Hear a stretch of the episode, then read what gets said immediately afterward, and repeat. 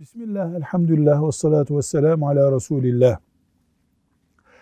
Selam evde kullanıldığında, Esselamu Aleyküm ve Rahmetullah, iş yerinde kullanıldığında, toplantıda, salonda kullanıldığında o ortama bereket getirir sözü. Doğru mudur? Doğrudur. Çünkü selam Allah'ın adıdır.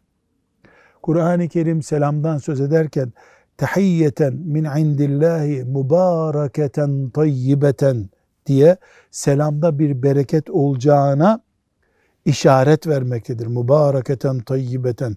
Allah'ın bereketi var. Zira selam cennet sözüdür. Kur'ani sözdür. Allah'ın ismidir. Olduğu gibi berekettir. Velhamdülillahi Rabbil Alemin.